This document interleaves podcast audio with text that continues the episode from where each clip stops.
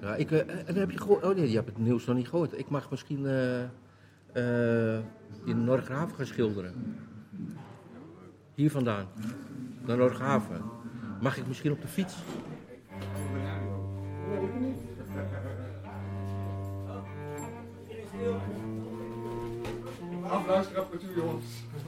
Je luistert naar Binnen de Muren, een podcast van RTV Drenthe over de penitentiaire inrichting Esserheen. Een gevangenis in het Drentse dorpje Veenhuizen. Mijn naam is Marjolein Knol en afgelopen jaar mocht ik af en toe meelopen in de gevangenis omdat ik wil weten hoe het is om hier te leven. Dit is aflevering 7. Naar buiten. Ja, ik heb een, eh, heb een beetje een overlast gehad. Ja. Ah ja, ik eh, begin vanmiddag eten. En eh, toen kwam ik weer terug. En toen keek ik in mijn cel. En eh lag mijn hele bed vol met fruittafel en mijn hele cel. En toen keek ik in mijn kussen, zat er knoflook in. Knoflook en hagelslag en ik weet het allemaal niet. Dus ja, dat was mijn eh, afscheidsfeestje denk ik van iedereen. Dit is Hendrik. In de vorige aflevering vertelde hij dat zijn kinderen niet weten dat hij vastzit. Hij maakte hen wijs dat hij Sinterklaas helpt bij het inpakken van cadeautjes. Hij zat twee maanden in de gevangenis. Morgen mag hij naar huis. Ja, ik ben er wel blij mee, maar ja. En allemaal hopen dat je niet weer terugkomt, hè? Nou ja, hopen. Ja, Jezelf in de hand, toch? ja ik weet het, maar ja. Je weet nooit wat de toekomst gaat brengen. Is dat zo? Ja, Waar denk je dan aan? ja, je kunt natuurlijk altijd weer de fout ingaan. Kan van alles misgaan. Kan thuis wat misgaan. eh, ja, je weet het niet.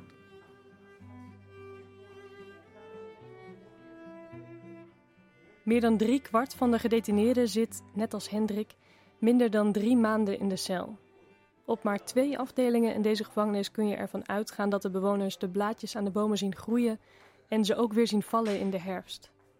Deels op de vadervleugel en vooral op de lang gestrafte afdeling. Hans bijvoorbeeld moet nog vier jaar zitten. Maar dat weerhoudt hem niet om toekomstplannen te maken. Vrijdags, de eerste verlofavond. Stom dronken, gegarandeerd.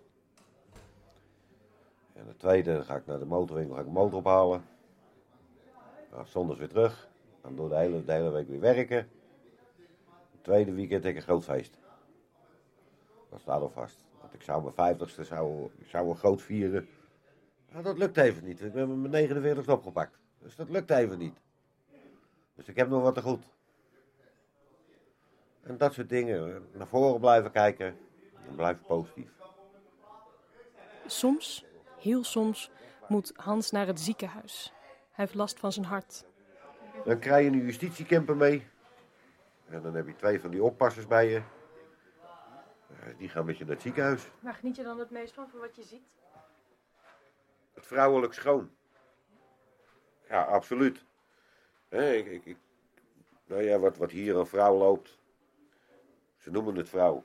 Ik, ik- ja, ik weet niet wat ik daarvan moet zeggen. Ik denk daar iets anders over. Hans zou zo kunnen ontsnappen, als hij wil. Als magazijnmedewerker heeft hij veel vrijheid. Maar hij doet het niet. Aan de muur in zijn kamer hangt een jaarkalender, waar Hans de dagen van afstreept. Deze kalender is bijna vol. Aan de zijkant van de maanden staan een paar bedragen geschreven. Nou, dan kruiste ik de dagen aan en dan streepte ik aan wanneer ik weer wat geld naar buiten kon storten. Want ik verdiende dan 54 euro in de week. En dan kon ik, eh, nou ja, aan het eind van het jaar had ik op een gegeven moment 2300 euro buiten. Ondertussen is het bedrag iets lager geworden door de twee mobiele telefoons die Hans aanschafte. Een dure hobby. Dat was eh, nou, 1500 euro in anderhalve maand. Dat geld is hij kwijt, want Hans zijn beide telefoons zijn gevonden door de bewaking. Hij is opnieuw gepakt. En dat is niet best, want dat betekent dat hij zijn zogeheten goed gedragstatus kwijt is. En dan blijft er niks meer over. Dus we beginnen weer op nul. Met Harry, die in de cel schuin tegenover Hans woont, gaat het goed. Ja, ik, eh, en dan heb je gehoord, oh nee, je hebt het nieuws nog niet gehoord. Ik mag misschien eh eh, in Noordgraven gaan schilderen. Hier vandaan, naar Noordgraven. Mag ik misschien op de fiets naar Noordgraven? Dus eh, wel elke dag vier kilometer fietsen. Harry is de huisschilder van de gevangenis. Hij saust de muren weer wit. Dus eh, ja, dat is gewoon wel een hele ervaring voor mij. Op de fiets daar naartoe. Ik heb al jaren niet gefietst. Somm- ik, denk dus, ik denk dat je eerder op de radio en in de krant hoort van eh man gevonden in de greppel. In die stipie. Ja, lig ik daar. Nee, nee, nee, nee, maar eh, dat zal best wel lukken. Ja, goed hè? Ja. Ja. En ik ga natuurlijk jullie naar Open Kamp. Dus dat is helemaal geweldig. Er komt er een keer een beetje een einde aan. Ja, toch?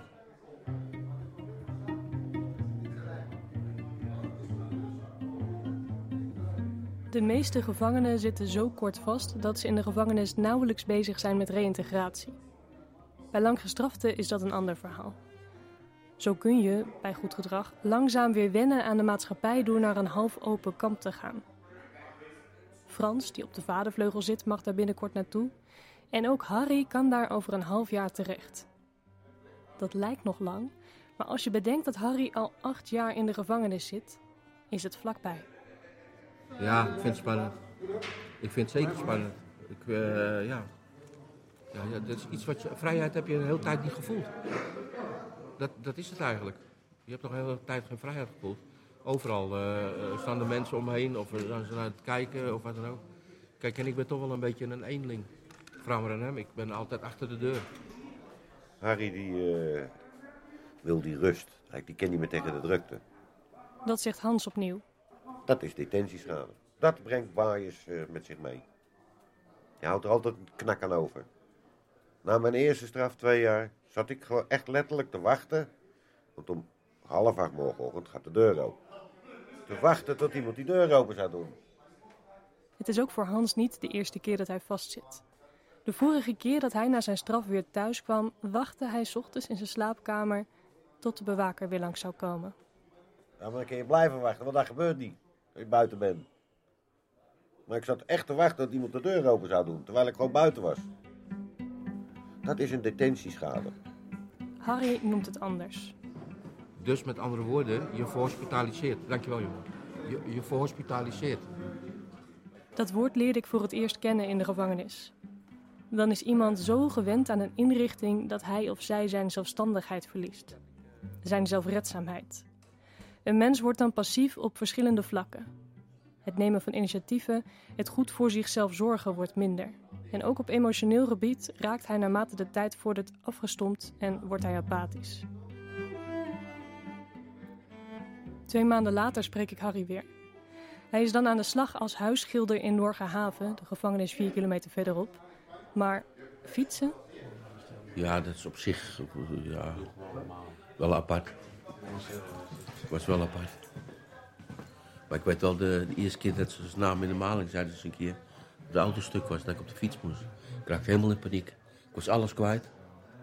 Ik was de hele dag van slag. Ja. Stom, hè? Dubai is met je, denk ik. Harry kijkt er naar uit om straks naar het halfopen kamp te gaan en tegelijkertijd ziet hij er tegenop. Wie al wel verhuisde naar die afdeling is Frans. Deze gedetineerde zat eerst op de vaderafdeling en mag nu in de weekenden weer naar huis. Naar zijn familie toe en ook naar zijn kleindochter, van twee jaar oud. Ja, nou ja, dan komt je vrouw je ophalen en dan kom je thuis en zit die, mijn kleinkinderen me op te wachten. Mijn kleinkinderen allemaal ballonnen opgehangen. Of dat ik een verjaardag had, zeg maar. Ja, dat is echt mooi hoor. Eh, dat is fantastisch. En ik heb, ik heb jou laatst ook al verteld, ik heb een kleindochter van twee. Nou, je die ziet hier, die- dan kwam ze eraan, opa weer thuis. Ja, dat is het mooiste wat er is. Nou ja, kijk, en daarom zeg ik al, het is mooi dan, dat je op zo'n afdeling hier zit, dat je, elke, je weet gewoon dat je vrijdag naar huis gaat. Daar doe je alles voor. Daar werk ik nou eh, bij die boerderij daar. Nou, wie had dat verwacht dat ik ooit boer zou worden? Hè? Door de weeks moet Frans werken, net als daarvoor, maar nu mag hij buiten de gevangenis aan het werk. Hier, op dit agrarisch bedrijf. Ja, je ziet het hè. Je moet alles een beetje bijhouden hier. De prei van de Lidl komt hier vandaan en in het najaar de hop voor brouwerij Malust. Maar ja, als, als er niemand wat doet, nou, moet je eens nou een beetje kijken wat een rotzooi hier hebt. Want ja, die drinken met 10, 12 personen koffie. Nou, dan, eh, dan staat de hele tafel vol. Dus dat moet je allemaal een beetje bijhouden. Hè? eh, eh, ja. Laat mijn vrouw het maar niet horen. Dan zegt ze, kun je dadelijk thuis ook aan de. Maar eh, ja, De gedachte achter dit werk is dat de gedetineerden weer kunnen wennen aan het buiten zijn. En ze verdienen ook meer.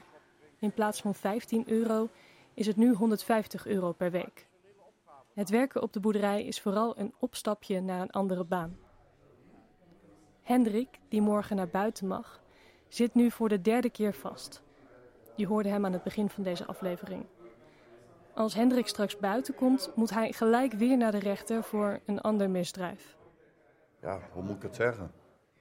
In het verleden heb ik nog wel wat foutjes gemaakt. En daar moet ik nou voor boeten. Nee, nee, nee, dan wordt het eh, denk ik, eh, naar mijn idee, wel 18 tot 24 maanden. Bewaarders die hier al lang werken, zien in hun loopbaan meer dan eens dezelfde mannen weer terug in Esserheem.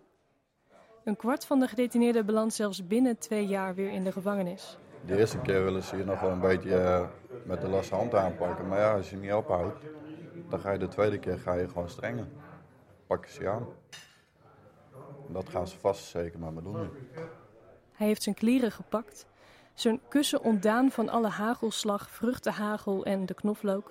En morgen, als Hendrik weer thuis is, dan koopt hij nog snel een cadeautje voor zijn zoontje.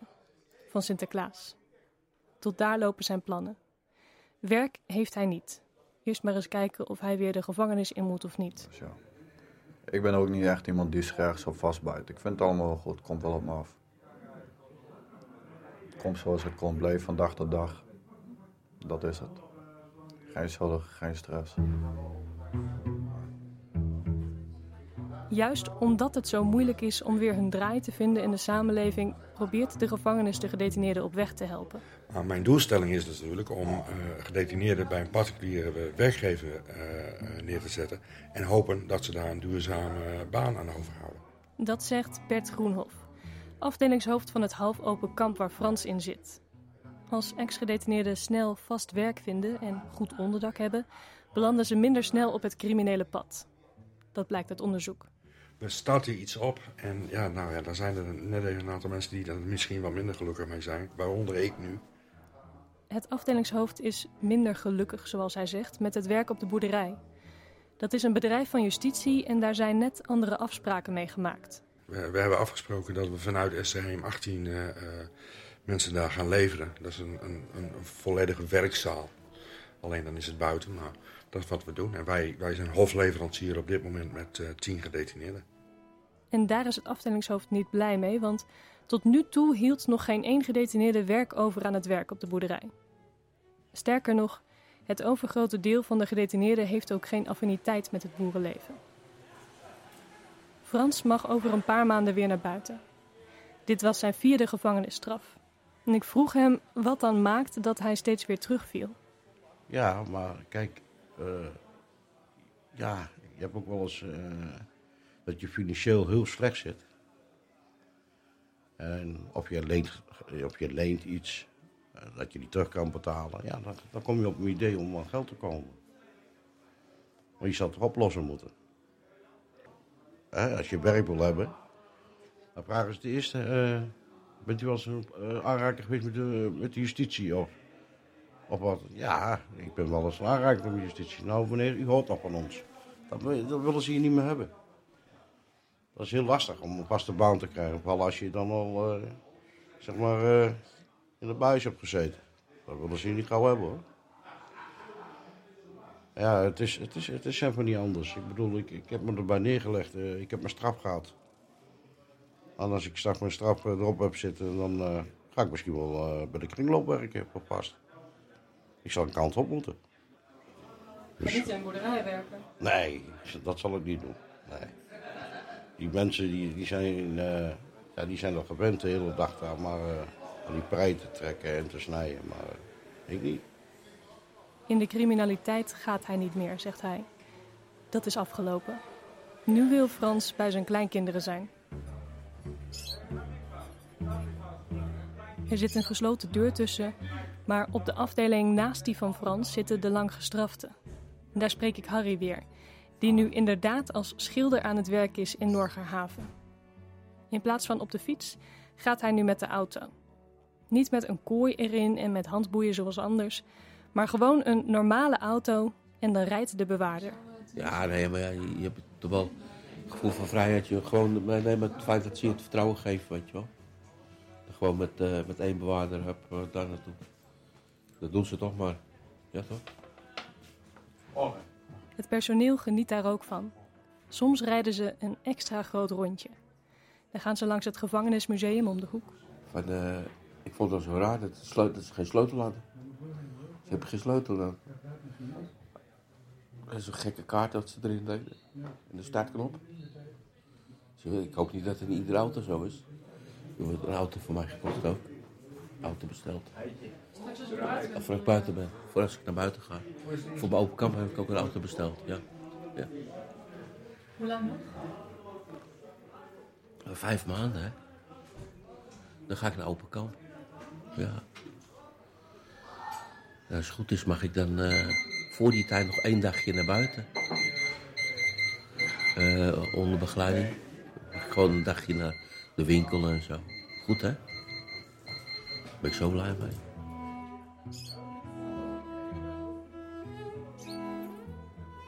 Harry wil graag een broodjeszaak beginnen als hij buiten komt. Frans heeft me uitgenodigd om op de koffie te komen en zijn vrouw en kleinkinderen te ontmoeten. Maar dan zonder audioapparaat. Hans gaat ondertussen niet meer naar de gedetineerdencommissie, want ze luisteren toch niet, zoals hij zegt. Hij blijft voorlopig in Esserheem. Hendrik houdt er rekening mee dat hij straks weer binnen de muren zit. Zorgen over wat hij zijn kinderen dan moet vertellen, heeft hij niet. Ik weet dat ze goed zitten bij mijn vrouw. Dus eh, ik hoef me niet druk te maken om mijn kinderen. Ik krijg ze wel te zien. Mijn vrouw komt wel. Dus ja, voor de rest, ik heb, nee, maak me daar niet druk om.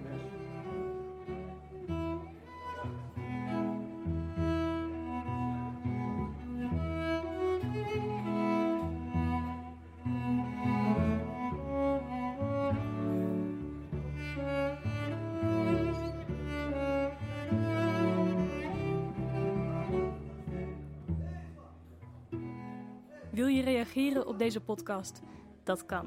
Stuur een e-mail naar podcastapenstaartje.rtvdrenthe.nl of laat een reactie achter in de podcast-app.